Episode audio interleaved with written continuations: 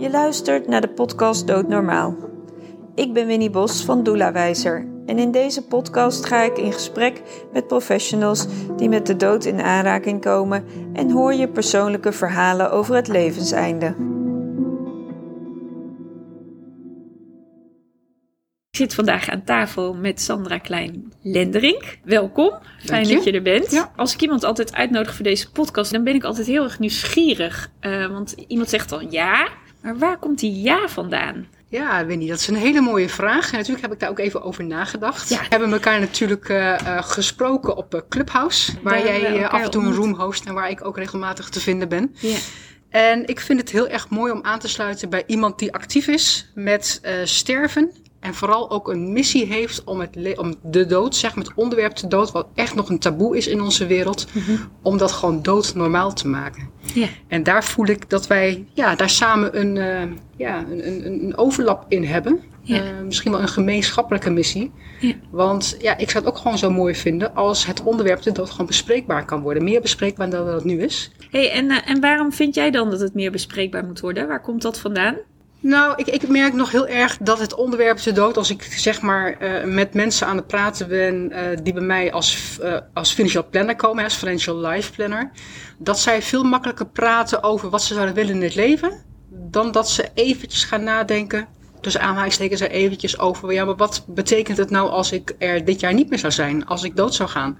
Wat wil ik dan eigenlijk met mijn geld en hoe zou ik dan zo'n laatste levensfase willen inrichten?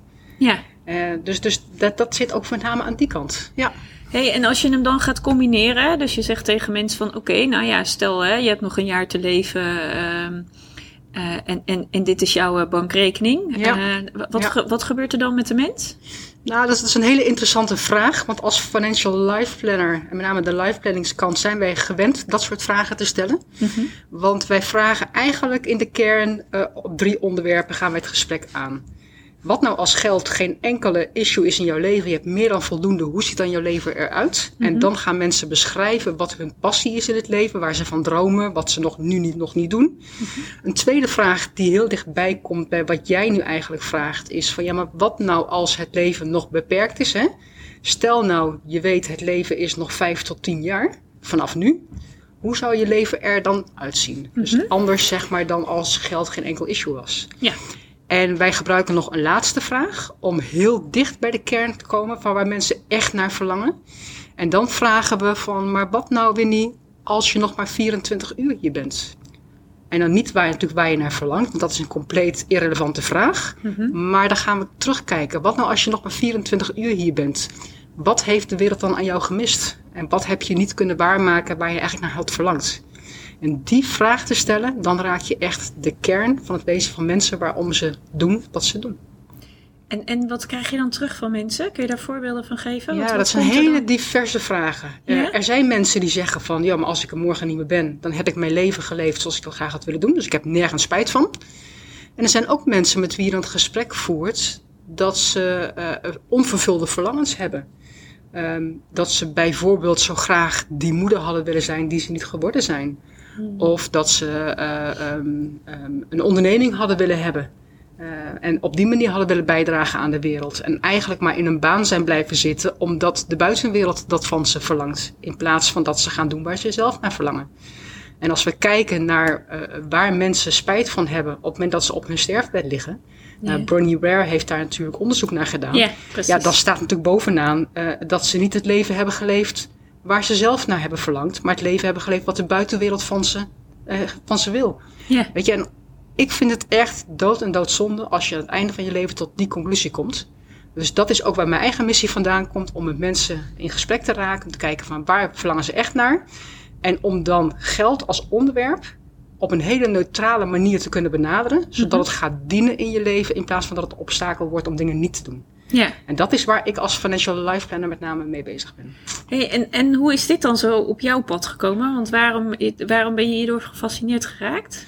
Nou, Deze ik denk dat ik altijd wel een fascinatie heb gehad voor het leven. Mhm. Uh, um, ook natuurlijk gewoon waar ik zelf vandaan kom. Hè. Als ik uh, aan mijn moeder denk, dan denk ik van ja, weet je, ze heeft uh, twee meiden grootgebracht van een minimuminkomen. En dat is natuurlijk heel fijn dat dat op die manier gebeurd is. dat heeft mij zeg maar wel in een versnelling gebracht en in een ontwikkeling gebracht, waardoor ik geworden ben zoals ik ben geworden. En ik merk dat ik in deze wereld gewoon um, ja, iets erbij te dragen. Ik, ik, ik wil gewoon dat mensen, zoals ik zelf nu ook doe, vanuit mijn eigen life planning het leven leidt waar ik het meeste van naar verlang. Hè? Gewoon doen wat voor mij belangrijk is. Um, en dat gun ik anderen ook. En ik gun het anderen om op te staan en te zeggen van joh, ik erken dat ik wat meer wil in het leven dan ik nu doe. En hoe mooi is het dan als ik die mensen de energie kan geven om daadwerkelijk ook dat te gaan doen waar ze het meest naar verlangen. En dat ja. is eigenlijk wat ik zie op het moment dat we gaan samenwerken. Je, je zegt, hè, je bent opgegroeid vanuit een gezin met een minimuminkomen. Ja. Hoe heb jij dan gecreëerd dat jij niet van het minimum leeft? Als we kijken over geld en emotie, en wat heel veel mensen zich niet realiseren, is dat we in onze opvoeding aan onze kinderen heel erg veel overtuigingen meegeven als het gaat om het onderwerp geld. Geld en emotie uh, kunnen blijkbaar niet los van elkaar worden gezien. Um, en als ouder uh, heb je eigenlijk geen idee wat je je kind in, in het rugzakje meegeeft. Heel vaak lijken kinderen in hun gedrag ten aanzien van geld op een van beide ouders. Of ze doen het compleet tegenovergestelde. En wat ik heb meegekregen van mijn moeder, is dat we gewoon uh, zuinig moeten zijn met geld. En de meeste uitspraken die we met z'n allen kennen over geld, ze hebben ook vaak een negatieve lading.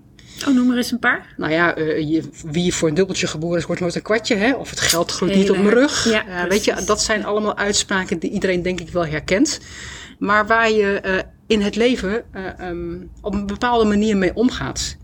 En als ik kijk naar mijn eigen um, gedachten over geld, uh, was het voor mij ook altijd zo van, ja, weet je, ik ben spaarzaam, altijd al geweest. Maar geld mag ook af en toe best een beetje rollen. Door te weten wat geld voor mij betekent in het leven, betekent ook dat ik een nieuw geldpatroon heb kunnen creëren, waarbij ik op een financieel ontspannen wijze met geld kan omgaan omdat ik weet dat geld neutraal is. Het voelt voor mij ook nu zo. En ik kan het aanwenden uh, voor dingen die ik belangrijk vind in het leven. En, en dat is gewoon heel erg mooi. Nou heb ik ooit een boekje gelezen. Ik weet even niet meer wie de schrijvers zijn. Maar ik kan me iets in de titel herinneren dat ze zeiden... geld is ook liefde, geld is energie. Zo zien wij in onze maatschappij geld niet. Nee. Maar dat is het wel, is mijn ervaring. Alles is energie, hè? Ja. Merk je inderdaad dat mensen dat niet zo zien? Dat geld ook energie is en eigenlijk ook een weerslag kan hebben voor andere stukken in je leven?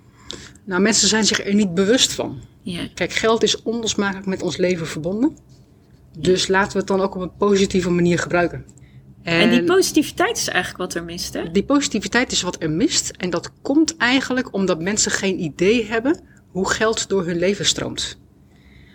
Als je weet hoe geld door je leven stroomt mm -hmm. en je weet op welke momenten of je voldoende hebt, tekort of in overvloed leeft, als je dat inzicht krijgt, dan gaan in één keer allerlei andere wegen zich openen. En dat is heel mooi om te ervaren. Dus mensen die zeg maar uh, um, van, uh, van oudsher ja, ook besparend zijn, veel sparen. Uh, ja. Laatst had ik een mevrouw bijvoorbeeld, die heeft een erfenis ontvangen. en die liet ik zien dat ze voor haar hele leven voldoende geld op de bank heeft. En ze ontzij zichzelf iets waar ze eigenlijk al heel lang naar verlangt, want ze wilde zo graag op een cruise. Hmm. Alleen die cruise die kost voor een week meer dan 8000 euro en dat gunnen ze zichzelf niet. Ja, en dan is het heel mooi als je dat kunt aanwakkeren. Om haar te laten zien van, ja weet je, het kan echt. En om haar ook nog de energie mee te geven om daadwerkelijk die reis te gaan boeken. Ja. Want het gaat natuurlijk om het creëren van ervaring in het leven. Om het creëren van mooie herinneringen. En, en, en dat is wat gewoon belangrijk is. En dat is wat je met geld kunt bereiken. Absoluut. Hey, en nou zitten we hier voor de podcast Doodnormaal. Hè? Ja. Dus we hebben het in combinatie met het sterven. Ja. Wat heeft geld met sterven te maken? Nou ja, alles denk ik als geld met leven te maken heeft, mm. heeft geld ook te maken met het overlijden. Ja. En uh, bij, over, bij een overlijden gaat het geld blijft natuurlijk gewoon op deze aarde achter. Dat kun je niet meenemen in je kist. Ja, je kunt het wel meenemen en verbranden. Maar het meeste zal, uh, ja. zal achterblijven. Ja. ja, en dan is het natuurlijk heel erg mooi als je geld kunt laten overgaan op de manier zoals jij dat hebt gewild. En daar moet je ook een plan voor maken. Ik heb zelf altijd het idee dat dat niet zo simpel is, omdat het heel erg persoonsgebonden is hoe je financiële situatie is. Ja. Misschien zelfs gezinsverbonden. Absoluut. Dan is er nog zoiets wat uh, regelgeving heet. Mm -hmm. Er zijn nog wat, wat, wat regeltjes die dan ook nog beperkingen of misschien ook wel mogelijkheden geven. Geen ja. idee. Ja. Volgens mij zijn dat een beetje de drie die nu even zo in mij opkomen. Of zijn er nog andere die ik niet weet of vergeet? Nee, dat, zijn, dat is een mooie samenvatting ja, in de basis. Maar wat kunnen mensen doen? Ik bedoel, kunnen mensen überhaupt iets doen? Absoluut. Kijk, wat ik altijd voor, aan de voorkant inzichtelijk maak, hè, als je niks doet. Ja. Als, het- als je kijkt naar je foto zoals de dag van vandaag erbij staat, hoe zou het geld dan overgaan naar de volgende generatie? En in dit land is nog steeds de meest gehate belasting is nog steeds de erfbelasting. Want we betalen ons schil aan belasting. We betalen BTW over onze boodschappen. We betalen accijnzen over een drankje wat we drinken. Eh, we betalen accijns als je een sigaretje zou willen opsteken. Hè? Of eh, benzine in de auto gooit. ja. Eh, stap je in het vliegtuig, dan betaal je vliegtax. Nou, en zo kan ik nog wel eventjes doorgaan. Het is, ons hele leven is doorweven voor belasting. Ja, en dan, als we dan ook nog belasting moeten betalen over hetgene wat we verkrijgen door een nalatenschap, ja, dat, vinden we heel, dat voelt heel onrechtvaardig. Ja.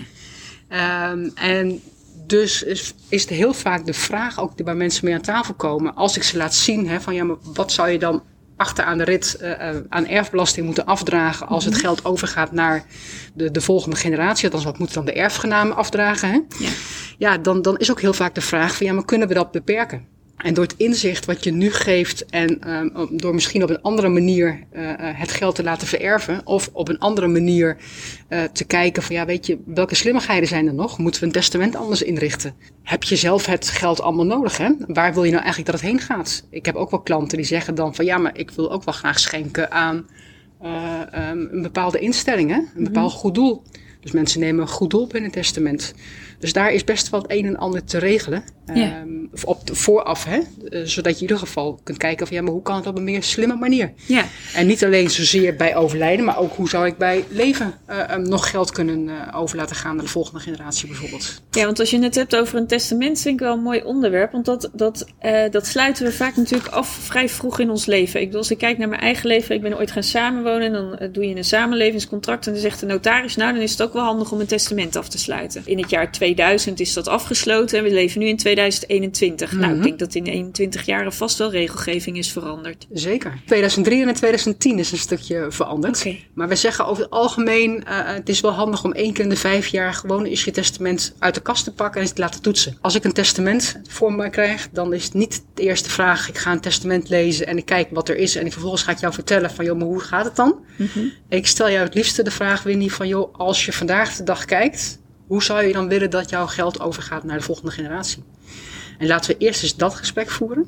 En vervolgens eens kijken van, hé, maar klopt dat dan wat er ook in het testament staat? Hoe werkt het dan uit? Ja, En ja maar dan kun je dat toetsen of dat eigenlijk nog weer voldoet aan, aan hoe je Ja. er eh, vandaag de dag naar kijkt. En, en heel erg vaak is het dat het ja, toch wel een update nodig heeft. Ja. Denk bijvoorbeeld eens aan ehm, ja, toch steeds meer ontstaan van samengestelde gezinnen. Zeker. En hoe zorg je er dan voor, hè, dat als jij zeg maar, je partner verzorgd wil achterlaten op financieel gebied, en die partner is er ook niet meer, hoe zorg je er dan wel voor dat jouw kinderen niet berooid achterblijven bijvoorbeeld? Ja. Dat is een hele legitieme vraag, ehm, ja, wat je heel goed vast kunt leggen in een testament. ja, en hoe zit dat dan met als je een eigen huis hebt? Zijn daar dan ook nog bijzonderheden? Eigen huis is gewoon een bezitting, hè? Eh, en alle andere goederen die je hebt, eh, ja, die het vallen eigenlijk in een nalatenschap. Ja. Dus die zullen van, eh, van jou eh, ja, naar de volgende generatie van iemand anders gaan. Stel dat ik een partner heb, het huis staat alleen op de naam van de partner, niet op die van mij. Ja. Is het dan nog wijsheid om bij leven daar een verandering in aan te brengen? Nou, dat is heel erg afhankelijk van de persoonlijke situatie. Dus die vraag is niet zo heel makkelijk te beantwoorden. Want Nee. wat voor de ene eh, handig is, kan voor de andere heel onhandig uitpakken. Maar in jouw situatie, als jij dus geen eigen huis hebt, maar de, de huis is volledig van de partner en jij woont daarin. Ja, dan is het wel handig om eens te kijken in je samenlevingsovereenkomst of je wel mag blijven wonen als je partner zou overlijden. Ja, precies. Want eh, eh, als je daar een niet gewillige erfgenamen hebt, ja, dan sta je misschien wel op straat. ja. Dat is natuurlijk wat je wil voorkomen.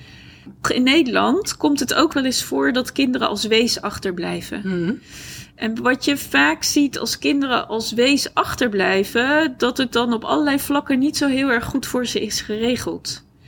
Heeft dat dan vaak te maken met hoe ouders het voor hun kinderen hebben achtergelaten, wat je al eerder noemde, of heeft dat ook andere oorzaken in, in de regelgeving? Nee, ik denk dat dat met name te maken heeft eh, dat ouders eh, zeg maar, zich nooit voorbereiden op het onderwerp de dood.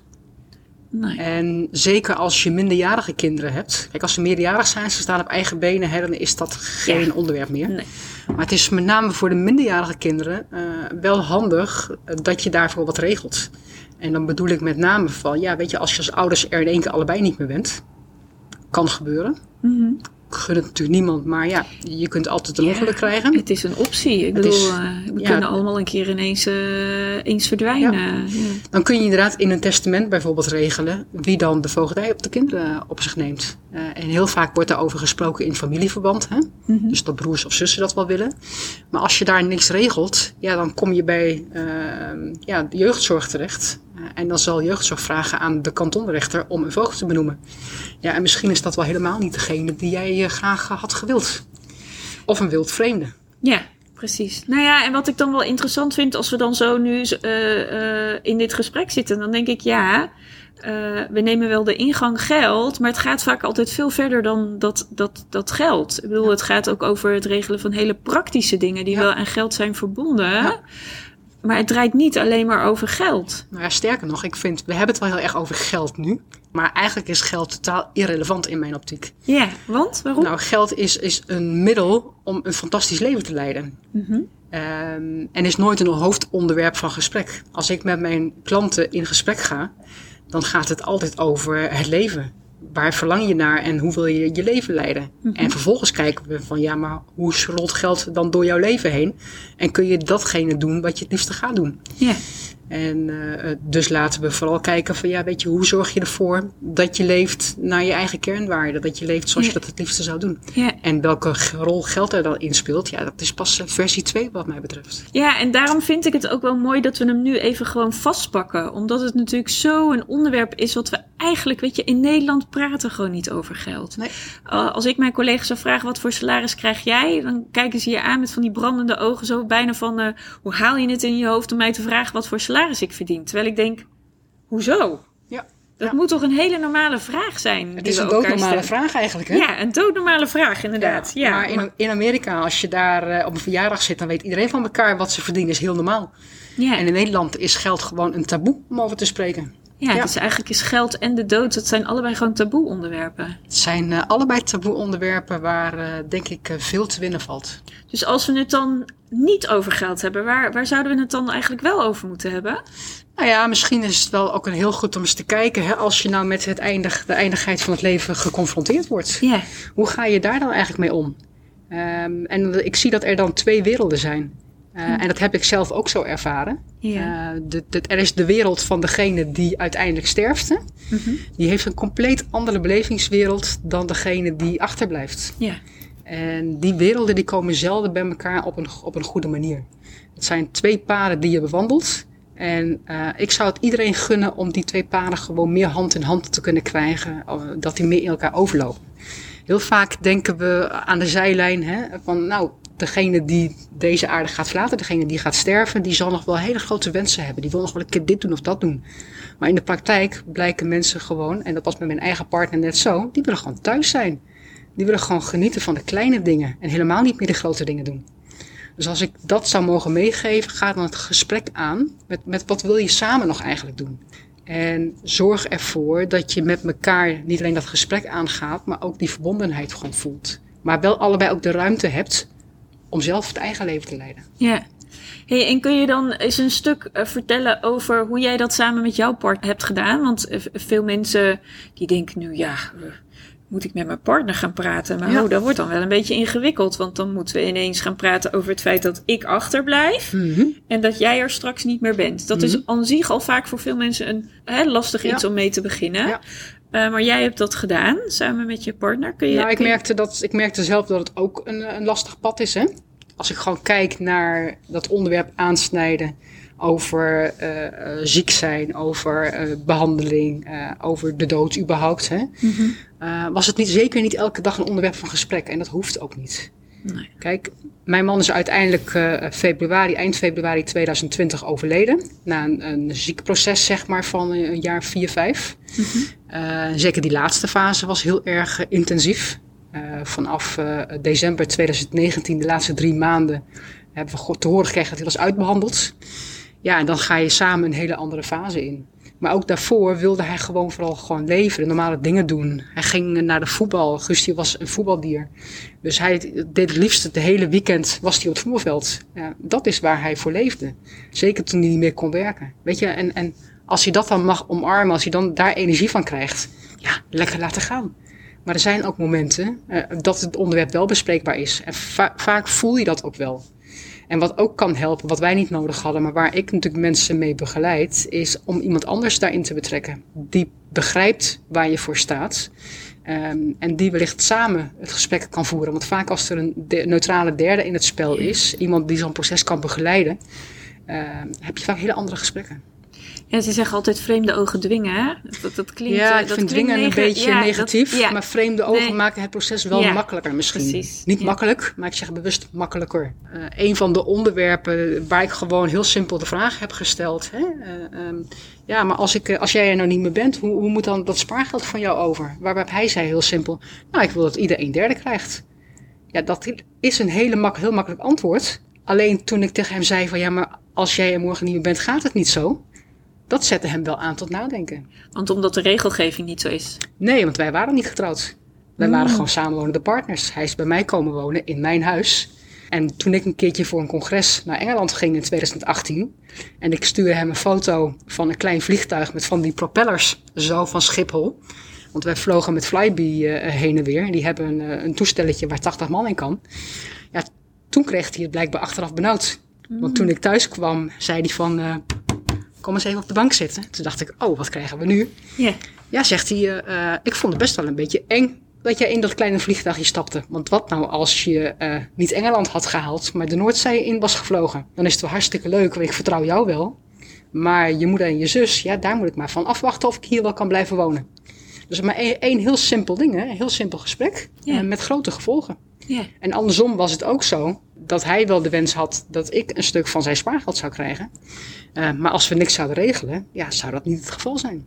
Dus ook maar hier de wens eh, om een zoek- bezoekje bij de notaris eh, te brengen. Om te zorgen dat het gaat zoals hij het had gewild. En dat heeft, enerzijds heeft dat met geld te maken. Maar voor anderzijds merkte ik heel erg bij hem dat dat rust gaf. Rust, omdat dat onderwerp gewoon uit het hoofd is.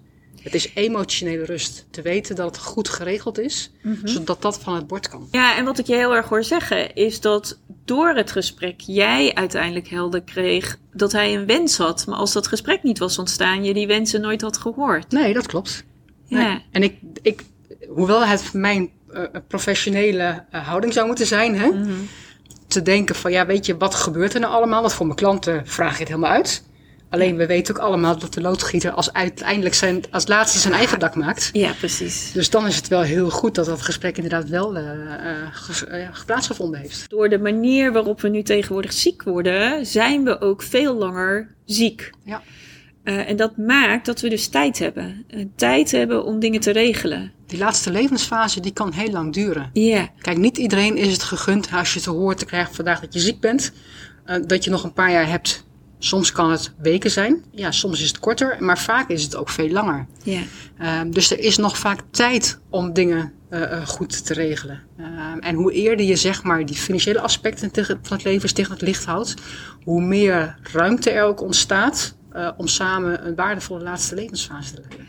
Ja, en wat ik er wel mooi aan vind, is dat je, want daar geloof ik ook heel erg in, dat je dan ontzettende waardevolle gesprekken met elkaar krijgt. Want je, je komt misschien ook op dingen terecht waar je in het leven, ja, als je het leven leeft zoals je het leeft, daar misschien ook niet zo heel erg concreet over hebt. Want ja, er is geen noodzaak en we, hebben toch genoeg en het gaat zoals het gaat en dat is toch allemaal prima. Eh, maar als dan een diagnose komt van ziekte en dingen worden ineens zo van, oh, oh, maar het kan eigenlijk zijn dat ik, mm, ja, ik bedoel, het kan nog zijn dat ik 20 jaar leef, maar Ja. het kan ook zijn dat het nog maar een jaar duurt, hè? Ik bedoel, Ja. En alles wat daartussen zit, en misschien eh, voor sommige mensen spijtig genoeg is dat soms ook dan nog wel dat ze maar een paar weken hebben. En dat is dan misschien niet altijd mogelijk om nog dingen te regelen. Maar er is wel vaak meer mogelijk dan mensen denken. Ja, ook in die korte tijd bedoel je. Ook in de korte tijd. Het maakt niet uit hoeveel tijd je hebt, er is altijd nog iets mogelijk. Vaak is er altijd nog wel iets mogelijk. Ja. Kijk, Oké. 100% kan niemand garanderen. Hè? Nee, tuurlijk. Maar als ik bijvoorbeeld kijk eh, hoe snel Guus en ik nog een geregistreerd partnerschap zijn aangegaan. Omdat dat ons hielp in eh, zijn wensen te realiseren. Ja. En ik legde bij de gemeente uit wat er aan de hand was. Waren we, was het gewoon in twee weken geregeld. Hmm. Kijk, je kijkt natuurlijk wel in, in wettelijke bepalingen van je moet eh, eerst aangifte doen. Hè, dan moet er een tijdje overheen gaan en dan pas kun je het ja-woord geven. Ja, tuurlijk. Dus er zijn wel eh, grenzen, Ja. maar vaak is er meer mogelijk dan je denkt. Ja, met inachtneming van de regelgeving zijn er mogelijkheden. Want Zeker. uiteindelijk is die regelgeving die Ja. natuurlijk ook bepalend Ja, is. ja. Maar je weet het niet als je het ook niet bekijkt. Dus het is echt waardevol om het te bekijken. Zeker. Ja, en wat, wat ik ook heel vaak zie en wat ik zelf ook heb ervaren, hè, dat is waar we het straks ook al eventjes over hadden, is dat eh, eh, het onderwerp de dood, als we kijken naar de medische wereld, heel erg gericht is op het beter maken van mensen. Ehm, ehm, om het leven zeg maar te rekken. Eh, in plaats van dat we ehm, ja, ook met kwaliteit zouden mogen overlijden. Ja. En het zit ook heel erg in de wil van mensen. Guus had heel erg de wil om te leven. En dat is helemaal prima. Hij heeft er alles uitgehaald wat hij zich had kunnen bedenken. Er zijn ook mensen die dat op een of andere manier wel goed vinden. Waar het in de medische wereld heel erg om gaat, is om te behandelen. Hè? Om te kijken van, ja, weet je, hoe ver kunnen we gaan? Eh, en in de medische wereld is heel erg alles gericht op degene die ziek is. Maar laten we nou ook eens gaan kijken naar degene die door moet. Ja, degene die achterblijft. Degene die achterblijft. Eh, en hoe zorg je eigenlijk als je achterblijft, hè, dat je de energie in het leven houdt. Maar ook dat je voldoende energie tankt om, om uiteindelijk het proces wat je moet, door moet als partner, om dat ja, op een hele goede manier voor jezelf te kunnen doen. Dat, dat klopt al wat jij zegt. Is, eh, weet je, zodra iemand ziek wordt, eh, komt de focus op degene die ziek is te liggen. Maar ja, diegene is niet alleen ziek. Die heeft een omgeving om zich heen die mede dat ziek zijn. Of, ja, die is niet mede ziek, maar Nee, ja, toch, Toch ja, wel een beetje ook. toch ook wel een beetje. Ja, Ja. ja. En die reizen op hun eigen manier met hoe het hun raakt, gewoon mee in dat hele proces. En soms zijn het letterlijke achterblijvers omdat ze onderdeel zijn van het gezin. En soms zijn het gewoon eh, achterblijvers omdat je een vriend of een vriendin gaat missen. Of eh, een neef of een nicht die misschien al wel ver van je afstaat. Maar ja, waar je wel misschien een hele bijzondere band mee zou kunnen hebben. Ja, zeker. En, het, en, en ik ben het inderdaad met je eens. Er mag gewoon veel meer zicht en licht, eigenlijk zou ik bij- bijna willen zeggen, komen op degene die in dat hele proces meelopen. Ja. Want En- hoe heb, hoe heb jij dat ervaren in het proces van het ziek zijn van Guus? In, in hoe jij werd betrokken in dat hele proces door de medische wereld? Nou, weet je, natuurlijk hè, vraagt de oncoloog hoe het met mij gaat. Ja. Ehm, en, en dat is ook logisch. Maar het is niet gericht op mij. En dat is ook goed, hè? Het is een medische wereld. Ja. En als je dan eh, hulp nodig hebt, zeg maar, als, eh, als partner...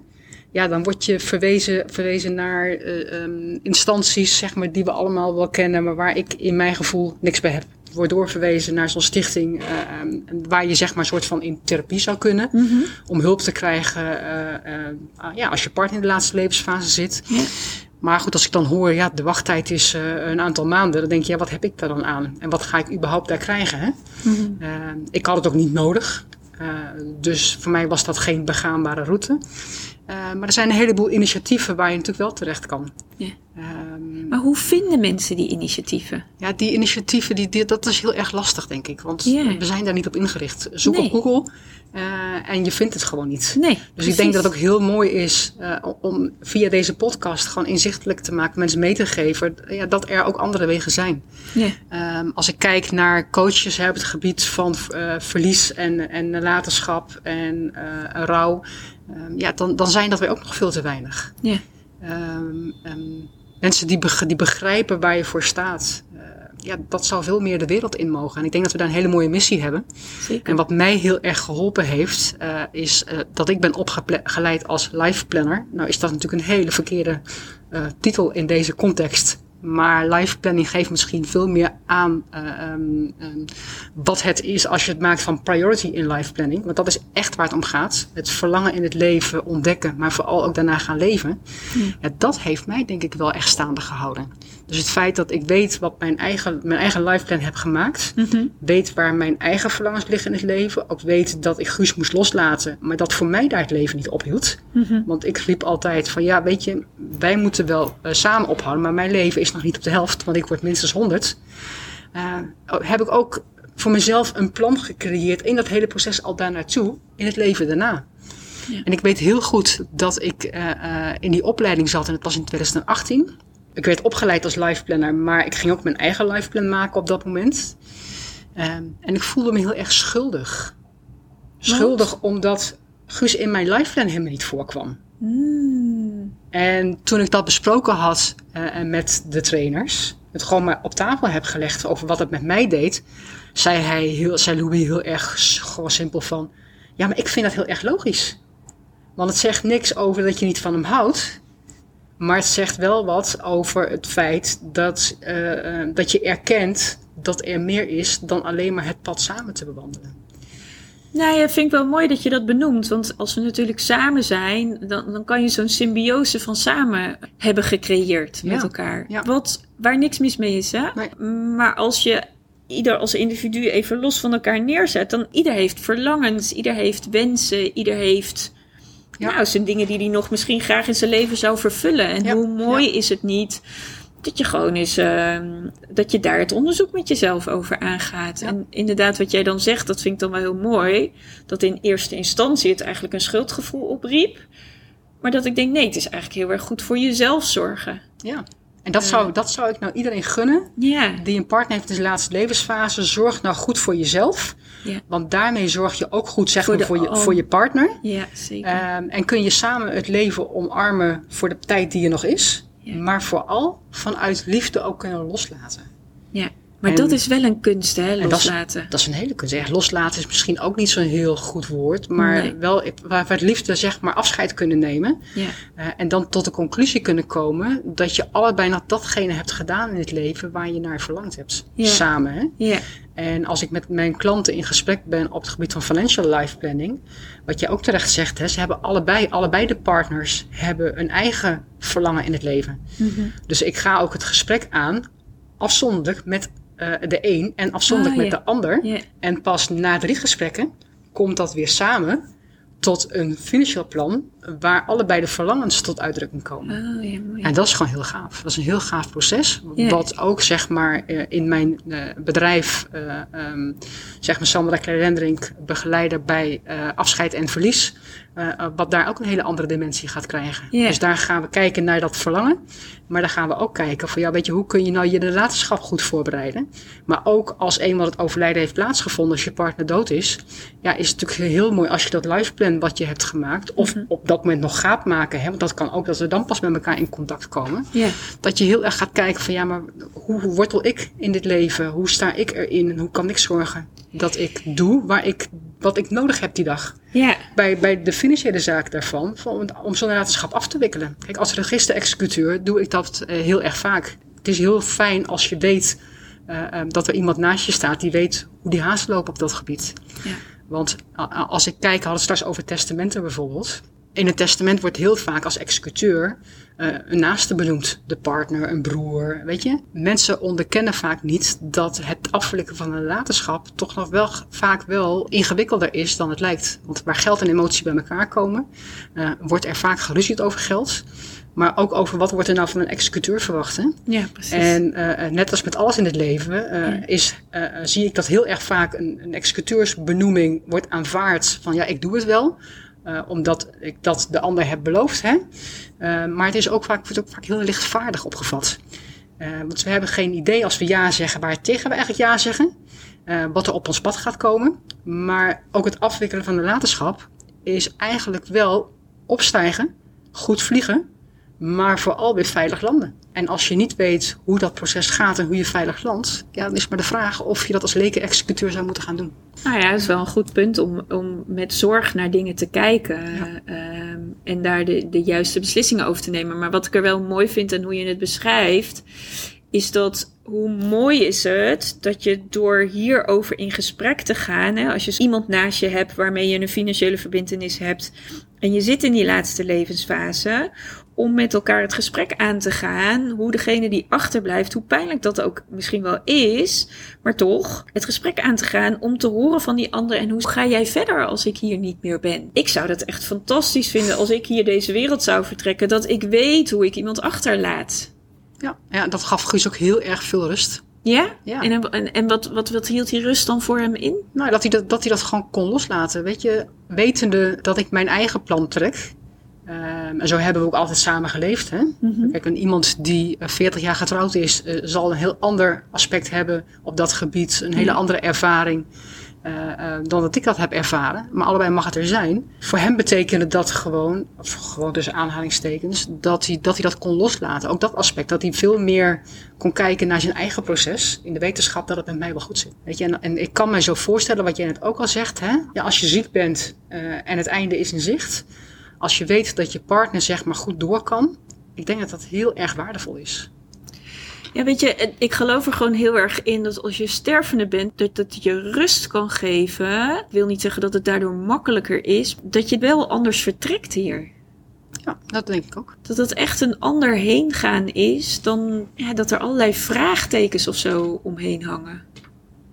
Ja. Dat is grappig. Dat raakt een beetje mijn persoonlijke situatie, merk ik nu. Hmm. Ja, omdat ik weet hoe het is, Kijk, er zijn mensen in ons leven die meemaken dat als je eenmaal een testament onder ogen krijgt, waarin mensen erachter kwamen dat ze bijvoorbeeld dat hun vader niet hun echte vader was, of dat uh, om wat voor andere reden ze niet echt familie waren. En wat ik zelf heb ervaren als het gaat rondom het thema geld, is dat ik het testament van mijn moeder onder ogen kreeg en daar stond eigenlijk in wat de wet je alleen maar nog kan geven. Dat is wat je krijgt. Uh, maar ik heb er alles aan gedaan om te zorgen dat dat zo minimaal is. En dat is dan wel echt een hele harde noot die je dan ineens op tafel hebt liggen. Dus ik weet eigenlijk hoe het is dat als je het thema niet bespreekbaar maakt en dat ook bijleven niet met elkaar bespreekt, wat de impact is, dat als het ineens uh, feitelijk voor je neus ligt. Zeker. En dat, dat is een echt groot onderschat wat het doet um, als mensen in hun testament laten vastleggen dat ze eigenlijk hun kinderen onterven. Ja, dat is, dat is een hele grote emotionele impact, wat denk ik te lichtvaardig, waar te lichtvaardig over wordt gedaan. En daar ligt denk ik ook een taak bij het notarieel, ja. bij het notariaat. Uh, um, als je als notaris dit soort mensen aan tafel krijgt, dat je eerst eens wel heel goed gaat uitvragen van of ze zich bewust zijn van het emotionele ja. aspect, wat ze eigenlijk doen. Nou, nou weet ik dat dat met zorg is gebeurd, want ik heb uiteindelijk met de notaris gesproken die dat met mijn moeder heeft uh, geregeld. Ja. Uh, en die zegt, daar gaan echt meerdere gesprekken overheen voordat we dit uiteindelijk feitelijk daadwerkelijk op papier zetten en, en zeggen, oké, okay, en dan is dit dus zo. Want dat, dat is heel jouw fijn inderdaad. Ja. He, dus, dat, dus daarin heb ik gehoord, dit wordt met zorg gedaan. Mm. Maar daarin zei deze notaris ook, wij als notaris krijgen niet altijd het antwoord waarom.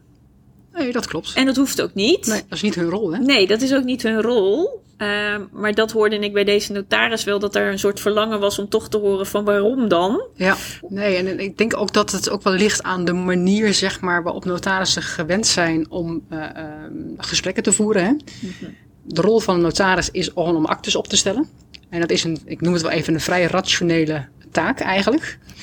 Um, en als registerexecuteur, maar ook als life planner, sta ik veel dichter bij mijn klanten en ben gewend om over dat verlangen en de emotie te praten. Ja. En ik denk dat het dan ook veel makkelijker is, en dat ervaar ik ook in de praktijk, dat als dan die wens van onterving uh, op tafel komt, dan heb ik denk ik een ander gesprek dan dat de notaris dat heeft. Omdat ik een hele andere vast. rol heb. Ja, dat ja. zal vast. Ja. Ja, nou moet ik zeggen dat ik, uh, ik bedoel, het, het, was geen leuk weten en het was ook geen leuk feit om te ontvangen. Maar wat, wat het met mij heeft gedaan, is dat ik uiteindelijk besloot om over de dood heen geen strijd erover te gaan leveren. Nee.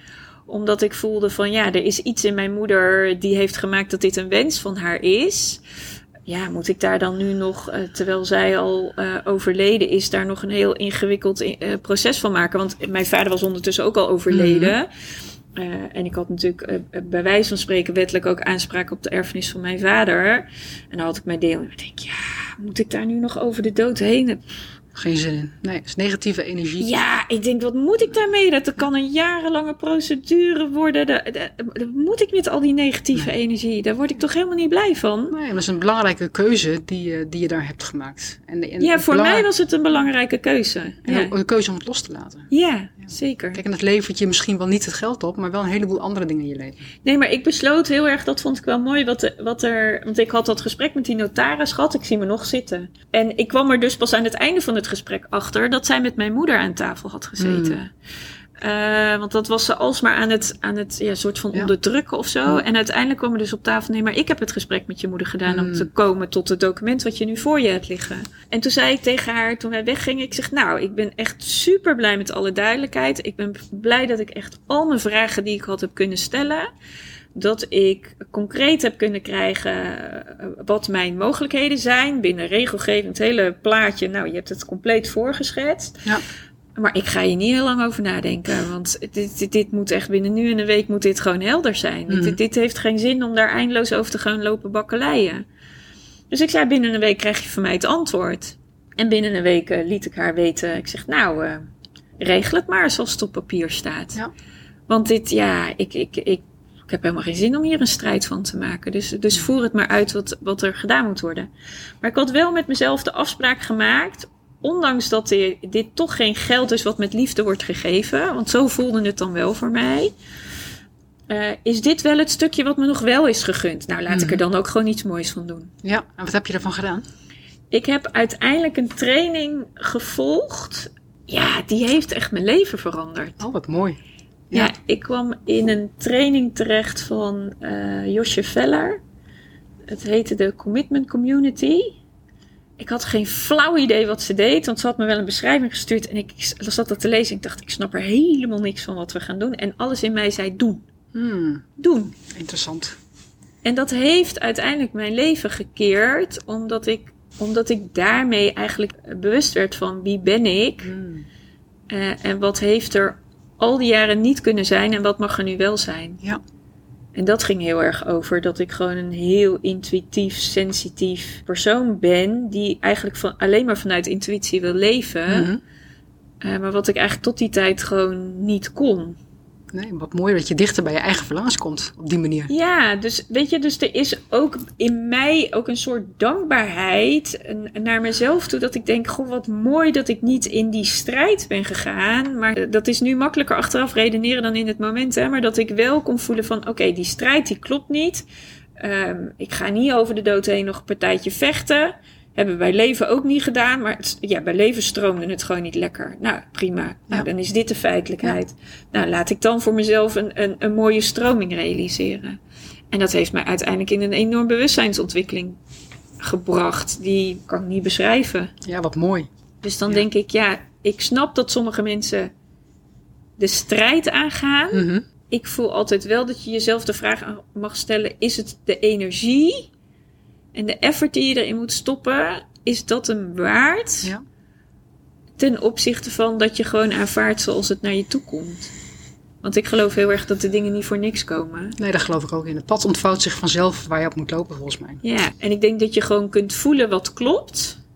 En soms kan je verstand dan zeggen: Ja, ik geloof heel erg dat strijd vanuit het hoofd komt. Maar nu doe ik misschien een aanname die niet klopt. Maar dat is hoe Nee, want strijd zit vaak, is vaak rationeel, eh, zeg maar, eh, onderbouwd. En de trigger is vaak toch emotie. Dus het gaat zeg maar van, van, van je hart naar je hoofd, want het voelt onrechtvaardig. En vervolgens gaat je de strijd aan. Maar als je nou eens kijkt naar waar je echt diep in je hart naar verlangt.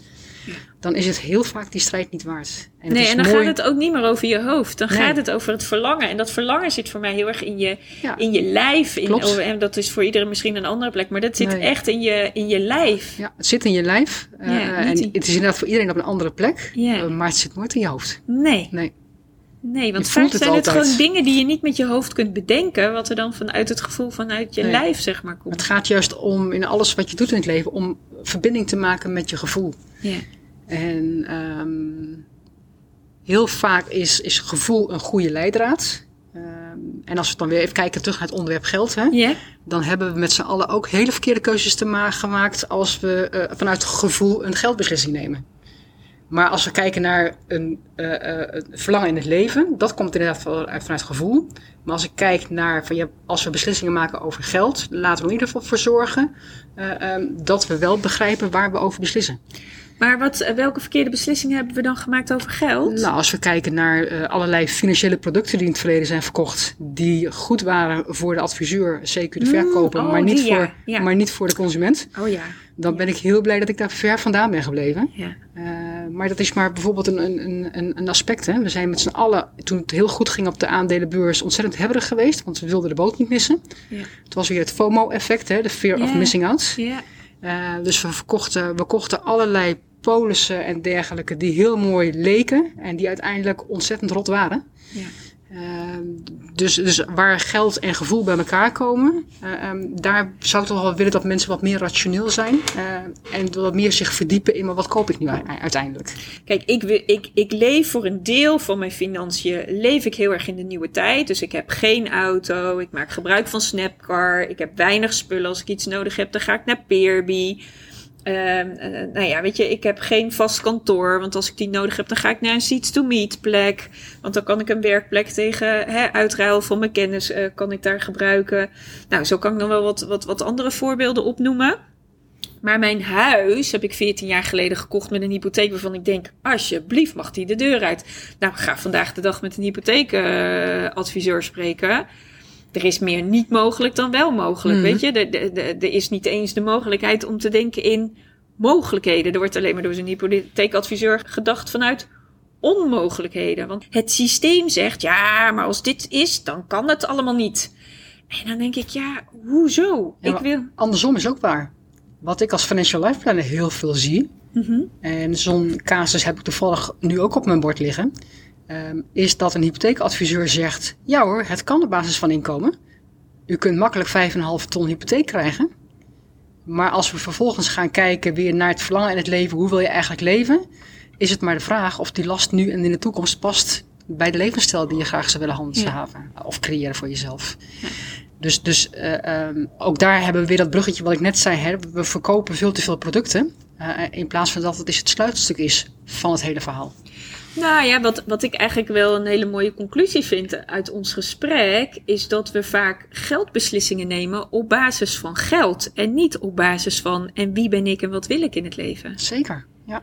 En, en, en ik denk dat dat de grootste, uh, het grootste issue is, ook in relatie tot hè, tot het, het, levenseinde en hoe rond je dat op die manier af, dat dat, dat helemaal niet op tafel komt. Nee, wat, wat ik het mooie vind, want ik heb het prachtigste vak in de wereld en dat meen ik echt vanuit mijn hart, omdat ik zie uh, als mensen uh, bij hun eigen verlangens komen, mm -hmm. om met ze echt de diepte in te gaan. Um, en eh, ze werken met mij een jaar samen. Als ik dan kijk wat ze bereiken in dat jaar, hoe ze gaan leven door te weten welke rol geld in hun leven speelt, maar vooral ook hoe het daar doorheen stroomt in nu en in de toekomst. Ja, dan opent dat nieuwe energie en nieuwe wegen. En, en als ik mensen zie bewegen uh, en andere keuzes zie maken, uh, omdat ze zien dat het kan, in plaats van dat ze voelen dat het kan, maar wel het gevoel meenemen om het leven te creëren waar ze ten diepste naar verlangen ja, dat is ontzettend gaaf. Dat geeft mij de energie om elke dag te doen wat ik doe. Ja, ja maar ik vind, ik vind het wel heel, of tenminste, dat, dat inzicht had ik al wel, maar um, ik realiseer het me eigenlijk nu nog meer. Dat wij gewoon veel te sec geld beslissen op geld. En niet op, uh, op wie ben ik en wat wil ik. Ja. En geld is maar een hulpmiddel, hè? Ja, precies. Eigenlijk en uiteindelijk, eh, met alles wat je doet, begint het eerst met jezelf. En niet eerst met geld. Nee, geld is niks anders dan smeerolie tussen wieg en graf. Oh, dat is, ja. Smeerolie tussen wieg en graf. Als we dat nou eens onthouden, geld is niks anders dan smeerolie tussen wieg en graf. Want geld kan datgene brengen waar we ten diepste naar verlangen. Ja, dan heb je volgens mij een heel ander leven. Ja, zeker. Nou, laten we daarmee afronden. Mooi, dankjewel. Ja, jij dankjewel. Je hebt geluisterd naar de podcast Doodnormaal. Mijn missie is om het levenseinde doodnormaal te maken. Iedere vrijdag staat er een nieuwe podcast voor je klaar. Volgende week spreek ik met Kees Vuilboer over zijn stichting Ambulancewens.